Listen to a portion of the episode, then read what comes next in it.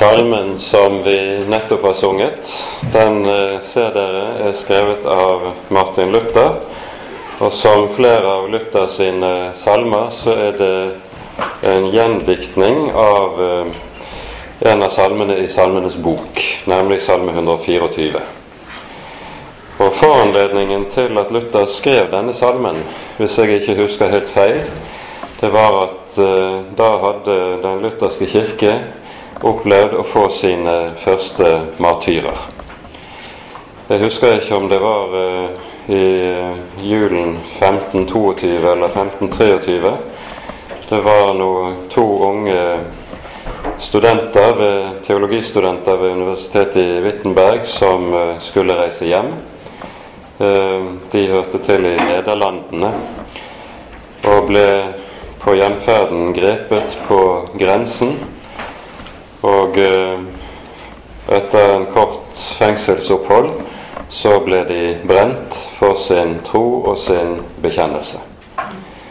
Dette gjorde et eh, voldsomt inntrykk på både Luther og de øvrige i Wittenberg, og eh, kom til å sette dype spor i reformatorenes sinn når det gjaldt bevisstheten om hva de hadde å forholde seg til eh, med sin eh, reformatoriske forkynnelse.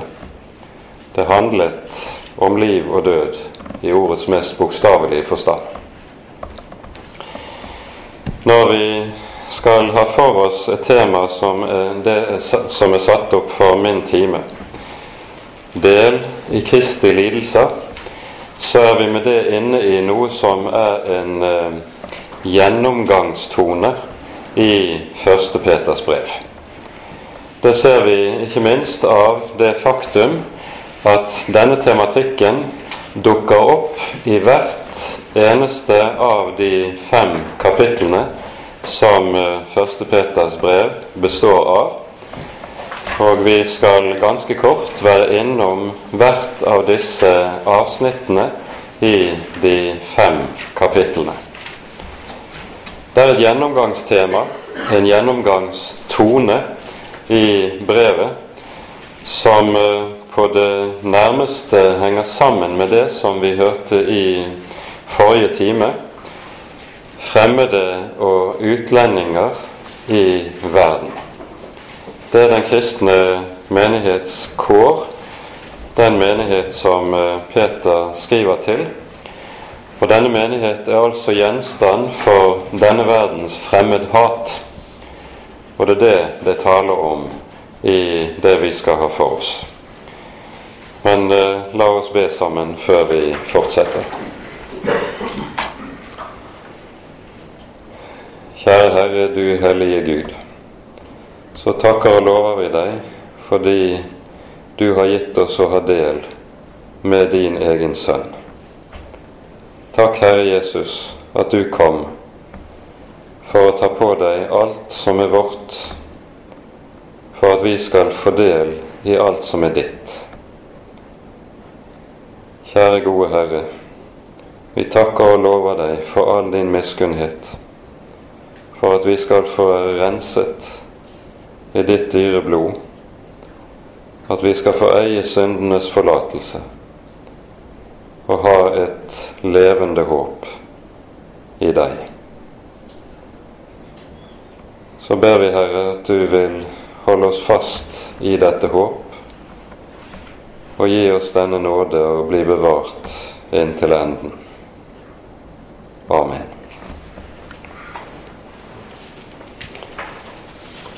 Gunnar eh, var inne på i forrige time dette at håpet er eh, noe av en grunntone i første Peters brev.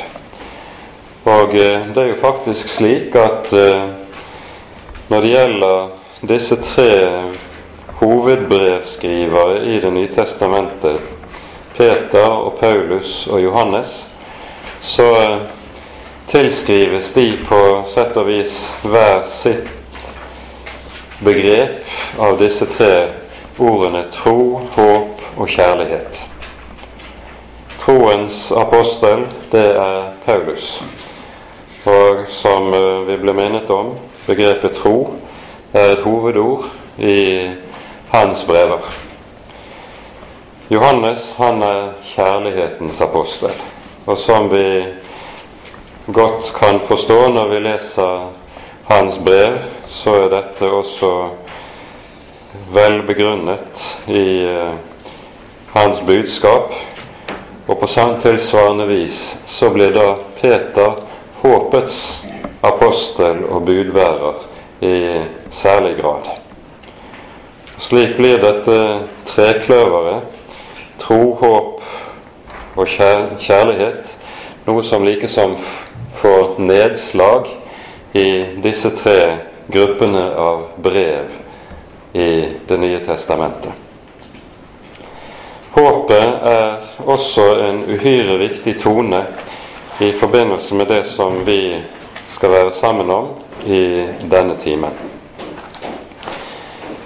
Eh, og det av flere grunner. Ikke bare fordi håpet eh, er noe som eh, like som lyser i enden av tunnelen, der det er sånn at de kristne er inne i trengselen, er inne i og opplever stor motstand for Jesus skyld, og så ser de frem til at en dag skal dette ta slutt. Men eh, håpet har en langt rikere klangbunn enn kun dette å være lys i enden av tunnelen. Vi skal se litt mer på det etter hvert. Vi skal ganske kort eh, innledningsvis peke på hvert av disse avsnittene i de fem kapitlene som taler om eh, trengselen for Kristi skyld. Det begynner allerede i kapittel 1 med ordene fra vers 6 av, når eh, det først er slik at Peter minner om hvorledes de troende holdes oppe ved Guds makt inntil den frelse kommer som er ferdig til å bli åpenbart i den siste tid. Og så står det Derfor jubler dere av glede, selv om dere nå en liten stund nødvendigvis har sorg i mange slags prøvelser. Dette skjer for at deres prøvede tro, som er langt mer kostbar enn det forgjengelige gull, som jo lutres ved ild, skal finnes til lov og pris og ære ved Jesu Kristi åpenbarelse.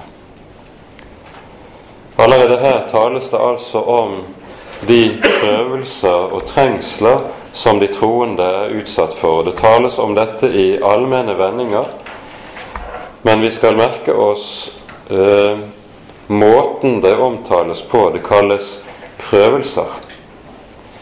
Prøvelser som har den bestemte rolle at det er noe som lutrer troen. Og dette er dermed noe, Med dette så setter Peter oss inn på et spor som er uhyre betydningsfullt, og gir et uhyre betydningsfullt perspektiv på den motstand og smerte som de troende måtte oppleve her i verden. Når Peter anvender ordene lutring og ild, så går dette tilbake til viktige ord i Det gamle testamentet, både i ordspråkene og ikke minst i Salme 66. Jeg tror vi skal ta oss tid til å lese eh, noen par vers fra Salme 66 eh, i denne sammenheng. For eh, som Gunnar var inne på, så tenkes det om de troende i Petersbrevet som nettopp de som lik Israel etter utgangen av Egypt er på vei gjennom ørkenen, på vei mot det lovede land. Og Salme 66 er nettopp en salme som handler om noe av dette. Og så tales det i denne salmen om eh, nøden og trengselen som eh, folket måtte oppleve både i forbindelse med utgangen av Egypt og under ørkenvandringen. Og så står det slik ifra vers 9. Han er den som holdt vår sjel i live og ikke lot vår fot vakle. Du prøvet oss, Gud, du renset oss like som de renser sølv. Du førte oss inn i et garn og la en tung bør på våre hofter. Du lot mennesker fare frem over vårt hode, og vi måtte gå gjennom ild og vann. Men du førte oss ut til overflod. Og nettopp dette at Gud fører, som vi hører det, mennesker over vårt hode, det at det er mennesker og menneskers motstand som er årsak til nød og trengsel og til dette som her da kalles for prøve, ildprøve, som lytrer. Det er det som også er noe av tematikken og bakgrunnen for det som vi leser i første Peters brev. Gunnar nevnte også at uh, enda er situasjonen for uh, den første kristne menighet ikke blitt slik at det er tale om forfølgelse som går på livet løs. Det var før første Peters brev var skrevet, noe som var skjedd rent unntaksvis. Vi hører om Stefanus i apostlenes gjerninger, vi hører om noen få andre også. Men dette var ikke blitt noe som var allment enda. Den første større og egentlige kristendomsforfølgelse eh, den bryter ut med Nero i Rom i år, årene fra, vers, fra, år 64 frem til år 67. Da er det at Nero setter uh, Roma i brann, og så gir han de kristne skylden for dette, hvorpå han bruker dette som uh, unnskyldning for å kunne starte den første kristen forfølgelse. Men den, også denne forfølgelsen var foreløpig rent lokal. Den var begrenset til byen Roma og de nærmeste distriktene rundt. Men det er i denne forfølgelsen at Peter selv lider martyrdøden. Han eh, korsfestes i år 67 Ifølge legenden i kirkehistorien så korsfestes han med hodet ned, for han mente seg ikke verdig til å bli korsfestet på samme måte som Hans Herre var blitt korsfestet. I de gamle martyrhistoriene så kan vi også lese om at Peters hustru led martyrdøden. Hun eh, led martyrdøden også i Roma hun reiste sammen med Peter omkring på hans mange reiser. Og hun led av martyrdøden antagelig to år før Peter selv ble henrettet. Og i martyrhistoriene berettes det om hvorledes Peter oppmuntret sin hustru til å være tro til døden mens hun led det siste. Dette er noe av den virkelighet som eh, den kristne menighet meget snart etter at Petersbrevet var skrevet, måtte oppleve. Og Det innebærer også at det vi leser om motstand og forfølgelse i dette brevet, på sett og vis også fungerer som forberedelse, beredelse av menighetene på hva som ligger foran. Det var vel neppe noen som kunne drømt om eh, hvor vidtgående forfølgelsene kom til å bli i Romerriket. Forfølgelsene kom til å vare ved helt frem til keiser Konstantin satte punktum for dem ved sitt toleranseedikt i 313. Men i perioder så var disse forfølgelsene omfattende, grusomme, ja, dypt ubarmhjertige. Men det vi hører Peter skrive om disse ting når han taler om motstanden for Jesus skyld, det gir oss samtidig noe av hva skal du si den ånd som kom til å bære den kristne menighet gjennom disse tidene, som var så usigelig tunge. Um, i det fjerde kapittelet, så, som vi også hørte lest så vidt fra i eh, forrige time, så nevnes det noe om eh, fra vers 12 Mine kjære, undre dere ikke over den ild som kommer over dere til prøvelse, som om det var noe merkelig som hendte dere. Men i samme grad dere har del i Kristi lidelser, skal dere glede dere, for at dere også kan juble i glede når Hans herlighet åpenbares. Om dere blir spottet for Kristi navns skyld, er dere salige, for herlighetens og Guds ånds hviler over dere. Og Her møter vi nettopp noe av den grunntone som preget hele martyrkirken gjennom de første århundrene. Vi ser noe av det samme i, allerede i apostelgjerningene i det femte kapittel, der vi hører om hvorledes eh, Peter og Johannes har vært grepet, forhørt for Det høye råd, og så står det at de hudstrykes og settes fri. Og så sies det, står det om Peter og Johannes at de var glade fordi de var aktet verdige til å vanæres for Kristi navns skyld. Altså den, De så på det å lide for Jesus skyld som et privilegium.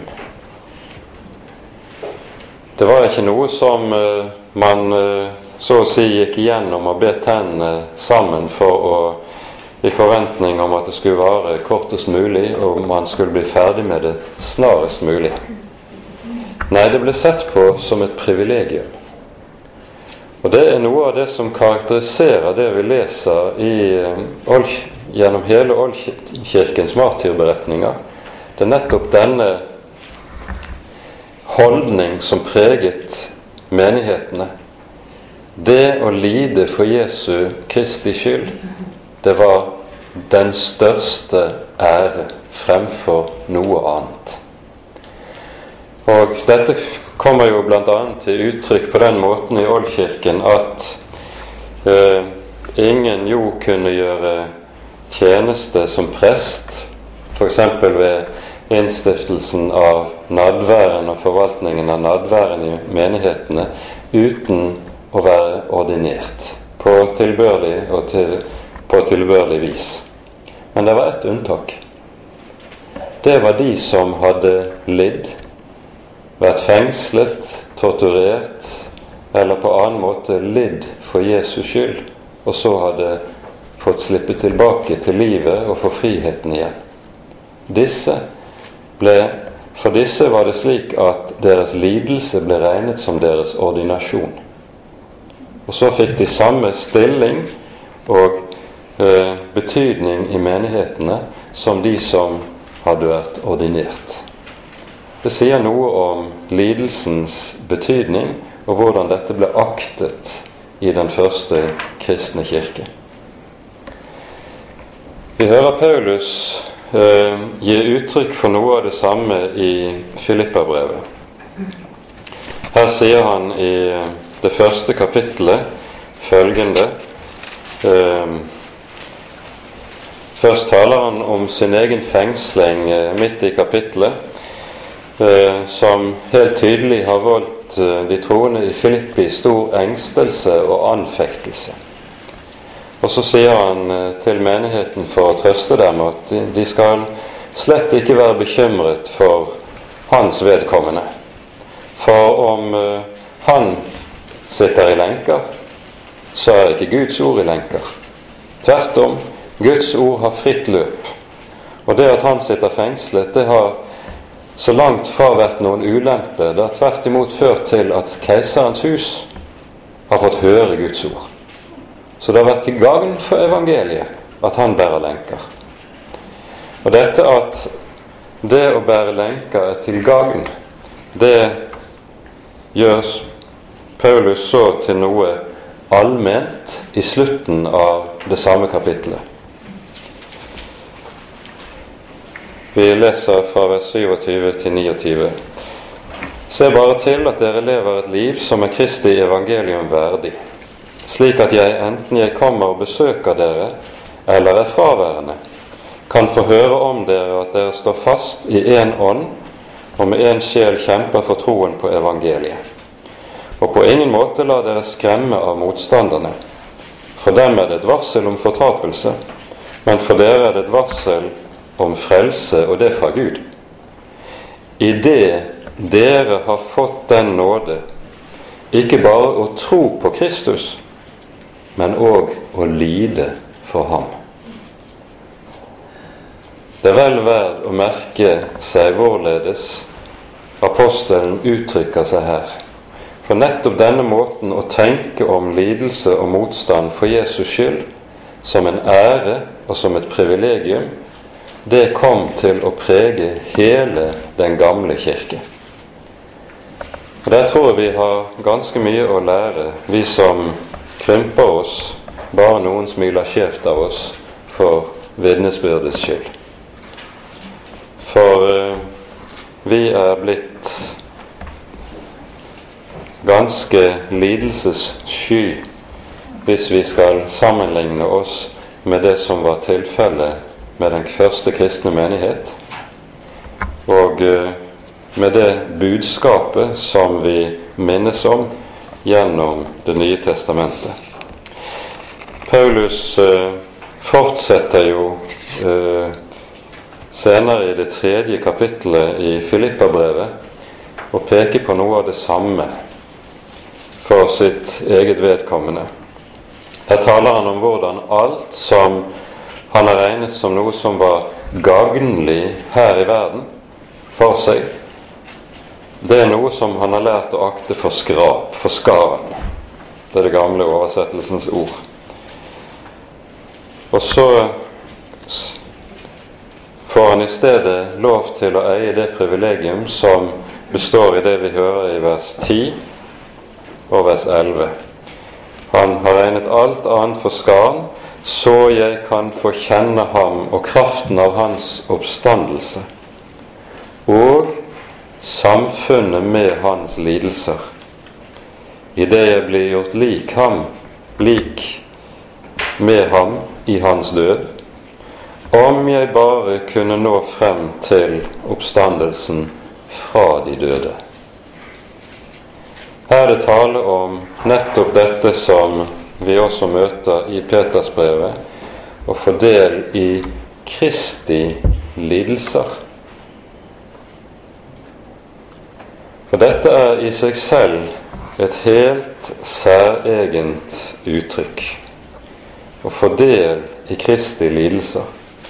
Det sies altså ikke bare det at de troende lider for Kristi skyld, men det sies at denne lidelse er å ha del i Kristi lidelse. Og det er et uttrykk som er vel verd å overveie hva som ligger i det. Noe av eh, innholdet i dette eh, minnes vi i hvert fall om når vi hører Jesus åpenbare seg for Paulus mens han er på vei til Damaskus. Da hører vi at Jesus åpenbarer seg i lys så veldig at Paulus rives av hesten og faller til jorden. Så taler Herren Kristus til ham og sier, 'Saul, Saul, hvorfor forfølger du meg?' Han sier ikke bare 'Hvorfor forfølger du mine, mine troende?' Men han sier altså 'Hvorfor forfølger du meg?' Det er slik at, forstår vi, Jesus identifiserer seg med sine troendes lidelse og smerte på en slik måte at han ser på dette som sin egen lidelse og sin egen smerte. Og så går dette også motsatt vei, at det sies om de troende at det å lide for Kristi skyld, det er å ha del i Kristi lidelser. I dette ligger det et mysterium som jeg tror vi ikke skal bli fort ferdig med å grunne over. Men dette, bakgrunnen for dette er altså noe av eh, av Dette noe av bakgrunnen for at de første troende altså ser på det som et privilegium, det å oppleve disse ting som vi ville krympe oss for. Vi har også Jeg må få lov til å lese det, et sitat fra Luther som er ganske tankevekkende når det gjelder eh, disse tingene som vi her er inne på. Han sier følgende i en bestemt sammenheng. Hvis djevelen var klok nok til å stå stille og se på at evangeliet ble forkynt, vil han få atskillig mindre problemer. For når det ikke er noen strid for evangeliet, så ruster det, og finner ikke noen anledning til å vise hvor levende og kraftig det er. Derfor er det ikke noe bedre som kan skje evangeliet, enn at verden prøver å bekjempe det med makt og med list. Ja, det er et perspektiv som er vel verd å ha med seg. Og det er samme tankegangen altså som vi møter igjen i Petersbrevet. Som nevnt så er dette et gjennomgangstema i brevet. Og i kapittel to så møter vi denne tematikken i, fra vers 12 fra vers 11 og 12. I første omgang kan vi lese der det står følgende Mine kjære, jeg formaner dere som fremmede og utlendinger at dere avstår fra de kjødelige lyster som strider mot sjelen. La deres ferd blant hedningene være god, så at de skjønn, så at de skjønt de baktaler dere som ugjerningsmenn likevel må prise Gud på den dag når han besøker dem fordi de ser de gode gjerninger dere gjør. Hva er de kristnes svar i møte med baktalelsen? La deres ferd være god. Og så hører vi i fortsettelsen av kapittelet en ganske klar konkretisering av hva det innebærer, dette at ferden skal være god. Nå er det sånn i Det nye testamentet at vi møter to ulike hovedbegreper som begge oversettes med vårt ord 'god'. Og Det ord som eh, Peter anvender i denne sammenheng, det er ordet 'kalos'. Og det har sidebetydning av å være vakker tiltalende. Noe som altså virker eh, på en slik måte at mennesker eh, tiltales av det.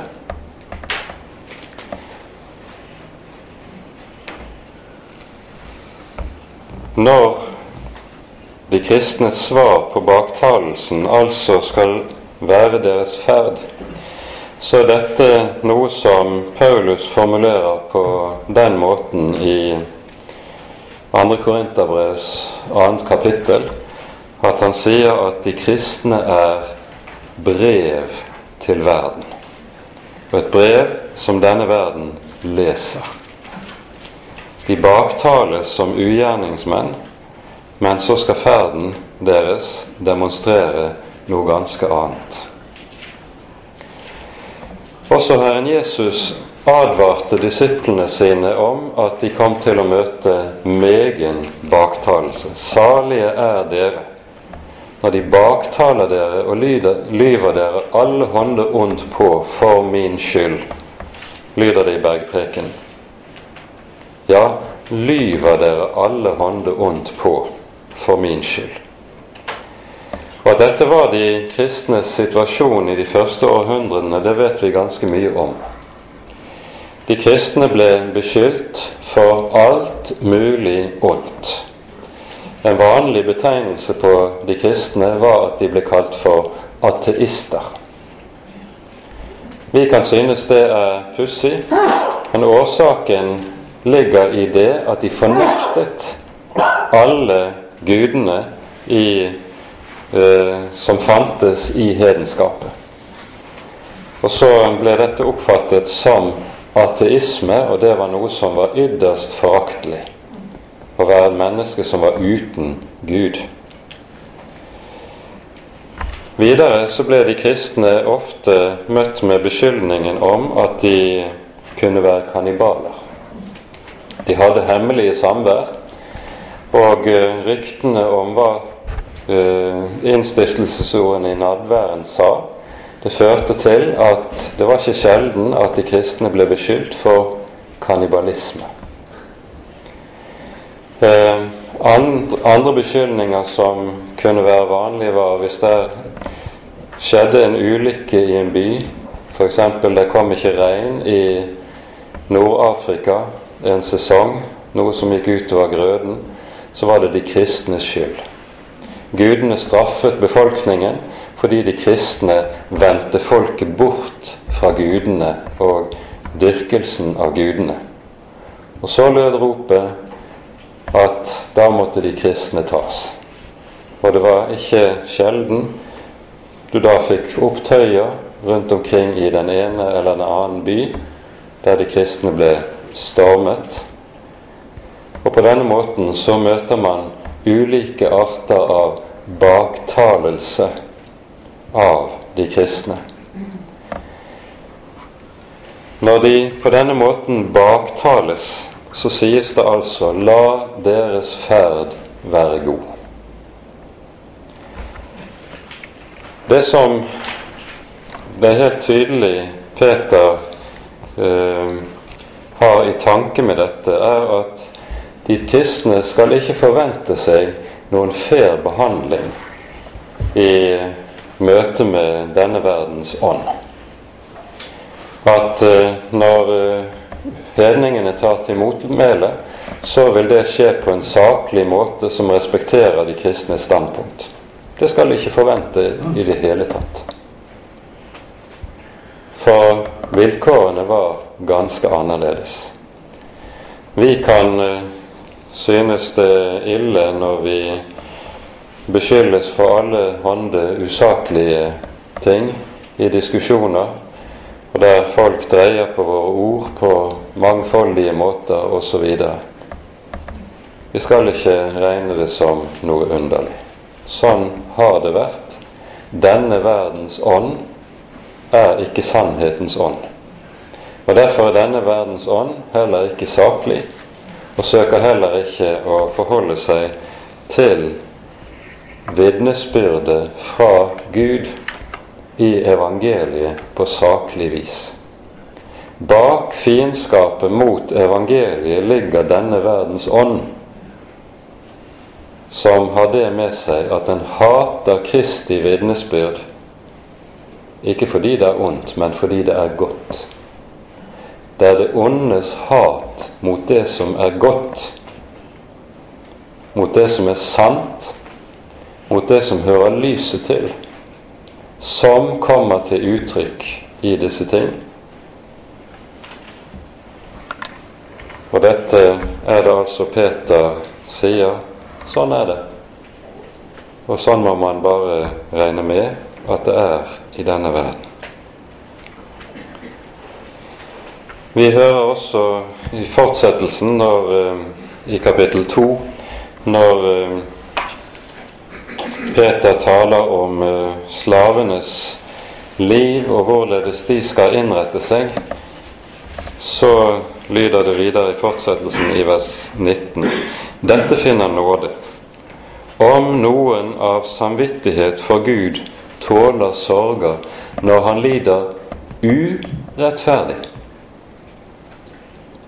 For hvilken ros fortjener dere vel om dere finner dere i straff når dere har syndet?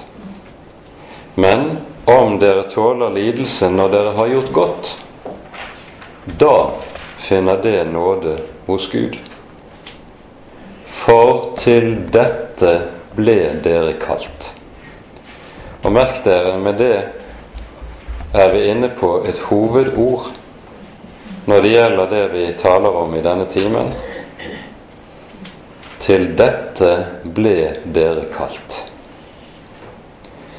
Og når det sies 'for til dette ble dere kalt', fordi også Kristus led for dere og etterlot dere et eksempel for at dere skal følge i hans spor, så forstår vi at tankegangen er at det å dele kår med Jesus det er en grunnleggende side ved det kristne kallet.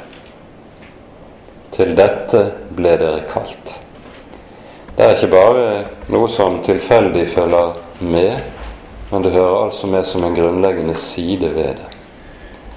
Og som derfor altså skal høre med til det normale kristenliv, for å si det på det vis.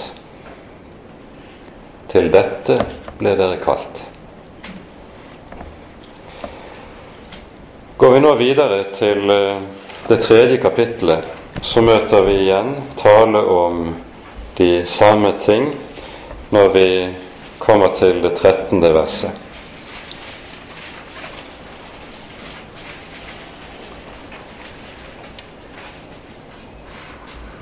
Hvem kan gjøre dere ondt hvis dere legger vind på det gode?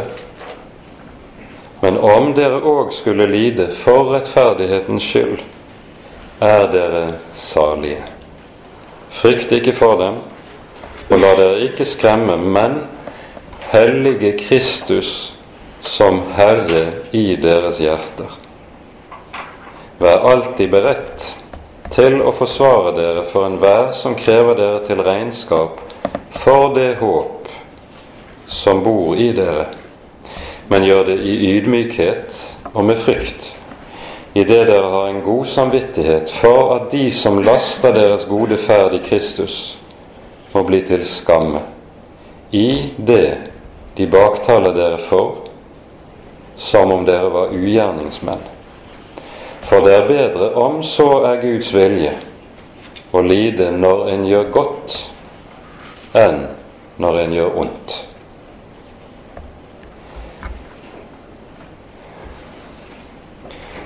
Disse ordene står i forlengelsen av et sitat fra Salme 34. Og det kan se ut som at Salme 34 har en særlig stilling og betydning for Peter, for vi ser eh, henspillinger på og direkte sitater fra denne salmen i flere ulike avsnitt i brevet. Og det er tankevekkende i Salme 34 at på slutten av salmen så tales det nettopp om den rettferdiges lidelse. Og det sies mange er den rettferdiges ulykker, eller den rettferdiges lidelser, kan det også godt oversettes. Men Herren utfrir ham av dem alle. Det er altså slik at tankegangen her ikke er den herlighetsteologiske som ofte ligger snublende nær for oss, fordi herlighetsteologien hører det naturlige mennesket til. Nemlig at den som Herren står nær, han må jo Herren sørge for å beskytte, sånn at han ikke rammes av lidelse og motgang. Nei, I Salme 34 lar David oss vite noe ganske annet. Mange er den rettferdiges lidelser, men Herren utfrir ham av dem alle. Her skal vi være oppmerksom på at måten dette er skrevet på i Salme 34, det kan lede i retning av at når det står 'Herren utfrir ham av dem alle', så kan betydningen være at han, Herren bruker nettopp lidelsen som redskap til utfrielse. Herren utfrir ham ved eller gjennom disse særlige ting. Og så blir altså den nød og motgang som et Guds barn møter, en del av Guds stell med og arbeid med ham. For gjennom dette gjør Gud en bestemt gjerning. Han lutrer, som vi var inne på i forbindelse med det første kapitlet. Ordet lutring, det er jo et uh, verb som henger eh, hentet fra metallurgien. Når eh, det sølvet eller gullet skulle renses for slagger, altså for det som er urent metall, så måtte det smeltes, glødes i ild, før man kunne få ut det som var av uedelt materiale. Og Noe av det samme er det Han som er Herre, gjør i sine troendes liv.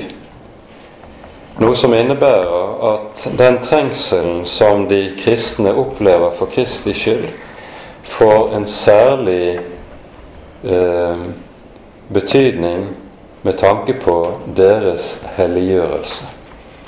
På denne måten likedanner Gud sine troende med sin sønns bilde.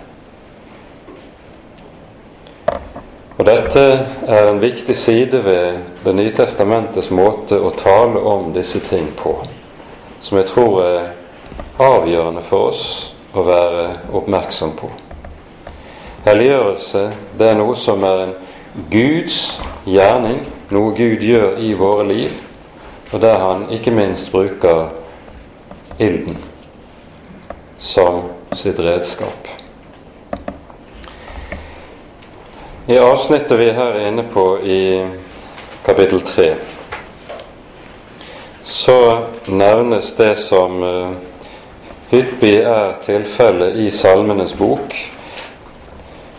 Davids, David var jo også stadig utsatt for motstand, nød, forfølgelse og trengsel fra menneskers side. Og nettopp det som slik er et hyppig tema i Salmenes bok. Det er i Petersbrevet noe som anvendes med tanke på de kristnes nød under trykket fra omgivelsene. Og Derfor eh, det, er det ganske naturlig at Peter kan be en salme som salme 34 der det taler om motstand og trengsel fra mennesker, kan be en slik salme som noe som en salme midt inn i hans egen og menighetenes nødsituasjon.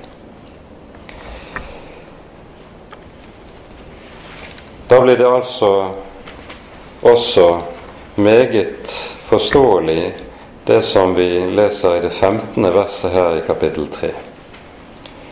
På den ene side står det 'Frykt ikke for dem, la dere ikke skremme'. Men hellige Kristus som Herre i deres hjerter. Denne tematikken her, med motsetningen mellom på den ene side trengsel som møter en fra menneskers side, og på den annen side motsatt det å søke inn til Herren, søke inn i Herrens ord, Dette motsetningsforholdet møter vi igjen og igjen i Salmenes bok, og ikke minst ganske særlig i Salme 119. Denne lange salmen om forholdet til Guds ord, den tar opp gjentatte ganger opp igjen nettopp denne tråden her. Mine forfølgere eh, omgir meg med løgn, men jeg har ikke glemt din lov. Mine forfølgere står meg etter livet, men jeg har holdt meg efter ditt ord. Denne Disse to forholdene som vi slik møter, det er det vi også her møter igjen i Peters brev. Og så lyder det et 'vær alltid beredt til å forsvare dere'. For enhver som krever dere til regnskap for det håp som bor i dere. Vær alltid rede. Her er jo saken den, når vi ser på det som var de første kristnes tilværelse, at deres annerledeshet i forhold til omgivelsene nettopp var det sterkeste evangeliseringsmiddelet som vi finner i den første kristne tid. Det som vi hører så mye av i våre dager, med oppfordringer til ja, til dels masing om at man må rundt og evangelisere. Det finner du ingenting av i Det nye testamentet, ei heller hos kirkefedrene. Flere grunner til det. Blant annet ligger det jo i meget av det vi hører av den slags i vår tid, en utstrakt loviskhet. Men det er også det at den slags oppfordringer det trengtes ikke. For de kristne levde annerledes. Og dette fikk folk til å stille spørsmålet hvorfor lever dere slik? Hvorfor skal dere være så annerledes? Hva er det med det, dere som gjør at dere ikke lever som alle andre? Og så fikk de anledning til å forsvare seg med tanke på det håp som de levet i. Og så kom de troendes liv slik til å bli et betydelig evangeliseringsmiddel eller verktøy. Kanskje noe av det viktigste gjennom hele oldtiden ved siden av de troendes martyrium. For eh, saken var jo den at det at de kristne gikk inn i martyriet, slik vi leser det i martyranalene fra oldtiden, det gjorde de med frimodighet. Og de gjorde det vanligvis med denne, dette som vi har vært inne på, med bevissthet om at dette var den største ære en kunne få del i. Det fikk hedningene til å undre seg. Hvordan kan fattige og enkle mennesker lide martyrdøden på denne måten som man ellers bare hører de høyeste og modigste kunne lide det? En Sokrates kunne lide døden med stoisk ro. Og de store greske heltene kunne også lide døden på denne måten. Men for vanlige mennesker så var jo døden noe som var fulgt av angst, skrik, nødrop, noe som en skal for. De kristne gjorde ikke det. Og så spurte hedningene hva er det som får, dere til dette? Hva er det som er så verdifullt for disse menneskene at de til og med går inn i døden fremfor å gi slipp på det de har funnet? Slik kom martyriet til å bli et veldig vitnesbyrd som gjorde at midt i at de kristne ble avskydd, foraktet og forfulgt, så hadde det samtidig en forunderlig tiltrekningskraft. Som gjorde at mennesker fikk respekt for, og fikk den største tillit også til mennesker som kunne opptre på en slik måte. Det er også en del av det som var situasjonen den gangen. Når det sies av Peter, og han legger til her i det tredje kapittelet, når han taler om å forsvare seg, eller når en skal avlegge regnskap for det håp som bor i en, så legger han til men gjør det i ydmykhet og med frykt. Så er det med tanke på at de troende skal unngå enhver form for arroganse eller hovmot som gir uttrykk for liksom at vi står på vi er bedre enn dere. Sannheten tro i kjærlighet. Det er den store nøkkel i dette. Tiden går, og vi må ganske kort også peke på de to siste tekst, tekstene her i Petersbrevet, som taler om eh, denne sak. Først kapittel fire, som vi allerede har lest litt fra. Mine kjære, undre dere ikke over den ild som kommer over dere til prøvelse, som om det var noe merkelig som hendte dere. Men i samme grad som dere har del i Kristi lidelser, skal dere glede dere, for at dere også kan juble i glede når Hans herlighet blir åpenbart. Om dere blir spottet for Kristi navns skyld, er dere salige.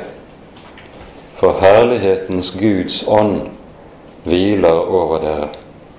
For ingen av dere må lide som en drapsmann eller tyv eller ugjerningsmann, eller som en som blander seg i andre saker. Men lider han som kristen, da skal han ikke skamme seg, men prise Gud for dette navnet. Her skal vi bare peke på én ting, det vi hører i det 14. verset. Da er dere salige, for herlighetens og Guds ånd hviler over dere. Her brukes det et uttrykk som er hentet fra Det gamle testamentet, og som brukes i Det gamle testamentet om når Guds herlighet åpenbarte seg i tabernaklet. Vi, vi husker når tabernaklet ble innviet, sånn som vi leser om det i andre Moseboks 40. kapittel, så var Herrens herlighet over folket i en ildstøtte om natten og en skystøtte om dagen. Og denne Herrens herlighet flytter inn i tabernaklet. Og det er dette ordet for Herrens herlighet som vi også møter igjen i forbindelse med innvielsen av Salomos tempel i første kongeboks åttende kapittel. Det er det det taler om her også i første Peters brev fire. Det er Guds herlighet, Hans shekina, som hviler over de som lider for Jesus skyld. Og med det så settes lidelsen for Kristi skyld inn, inn i et helt særlig perspektiv som eh, vi skal komme tilbake til i morgen, for med dette er vi inne i det som vi hører om menigheten som Guds hus eller Guds tempel. Og Det var jo nettopp i Herrens tempel Herrens herlighet var til stede. Men det skal vi se nærmere på i morgen. Den siste teksten vi eh, må peke på for å gjennom disse kapitlene, det vi hører i kapittel 5. Og vi leser ganske kort. Vær edrue og våk. Deres motstander, djevelen, går omkring som en brølende løve og søker noen han kan oppsluke stå ham imot, faste i troen. For dere vet jo at brødrene deres rundt om i verden må gå gjennom de samme lidelser. Men all nådes Gud, som har kalt dere til sin evige herlighet i Kristus Jesus, etter en kort tids lidelse. Han skal dyktiggjøre, stadfeste, styrke og grunnfeste dere. Ham tilhører makten i all evighet. Amen.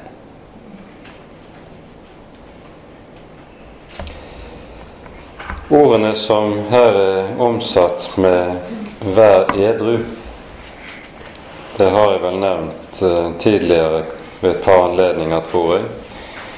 Det kan like godt omsettes 'vær nøkterne'.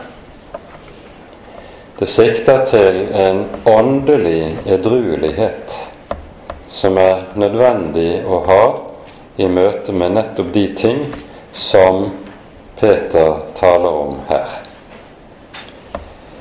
Det er nemlig en art åndelig overspenthet som tidvis kan gjøre seg gjeldende blant kristne, som leder til usunnhet, og som vil ha det med seg også at når de virkelige prøvelsene er der, så vil en ikke kunne bli stående.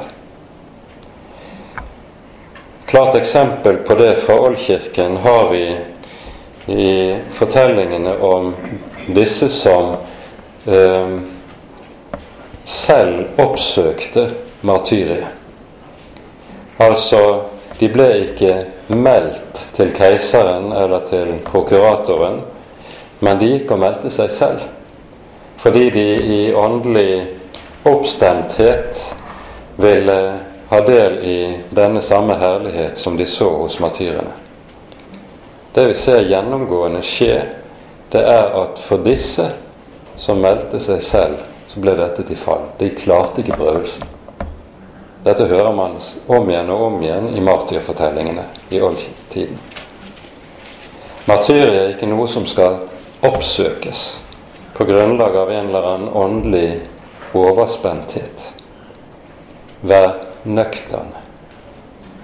Våg deres motstander, djevelen, går omkring som en brølende løve og søker noen han kan oppsluke. Stå ham imot, faste i troen.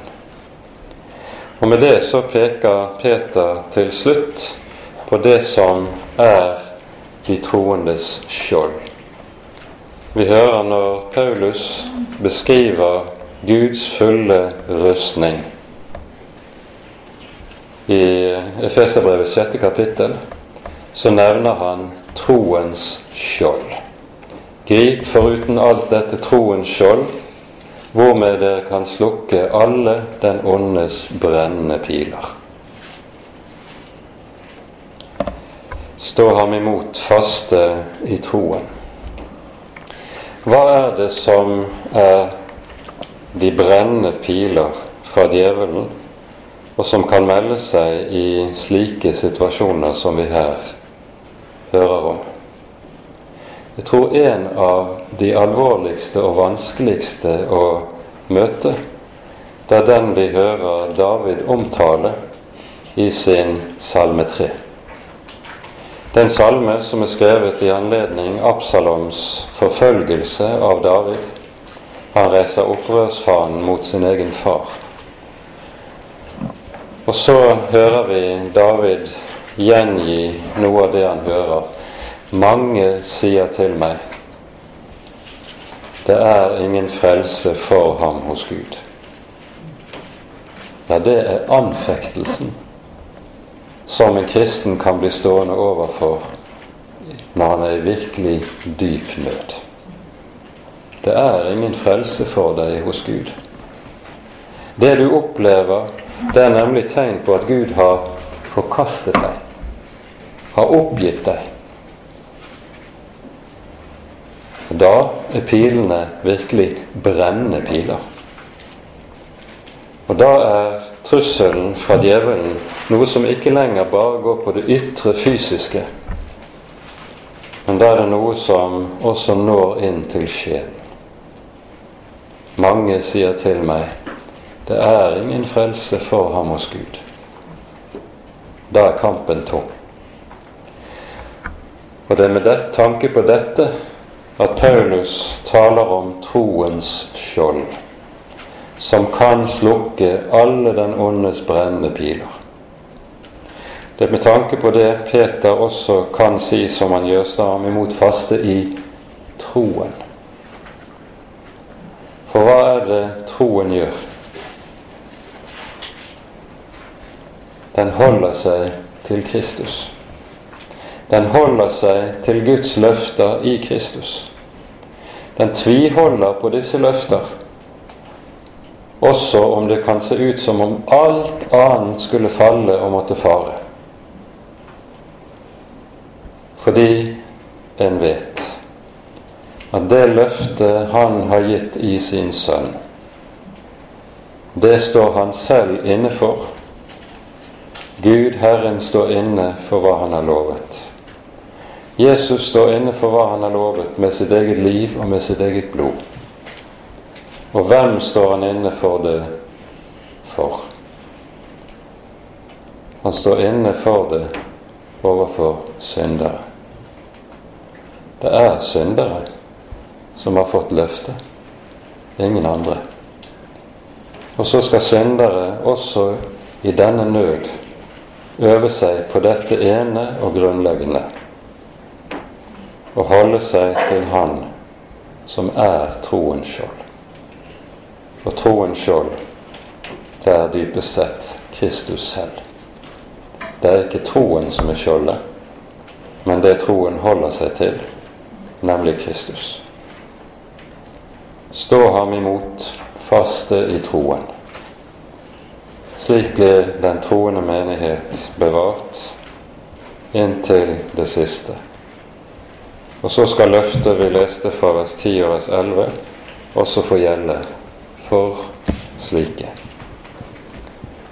Ære være Faderen og Sønnen og Den hellige ånd, som var og er og være skal en sann Gud, høylovet i evighet. Amen.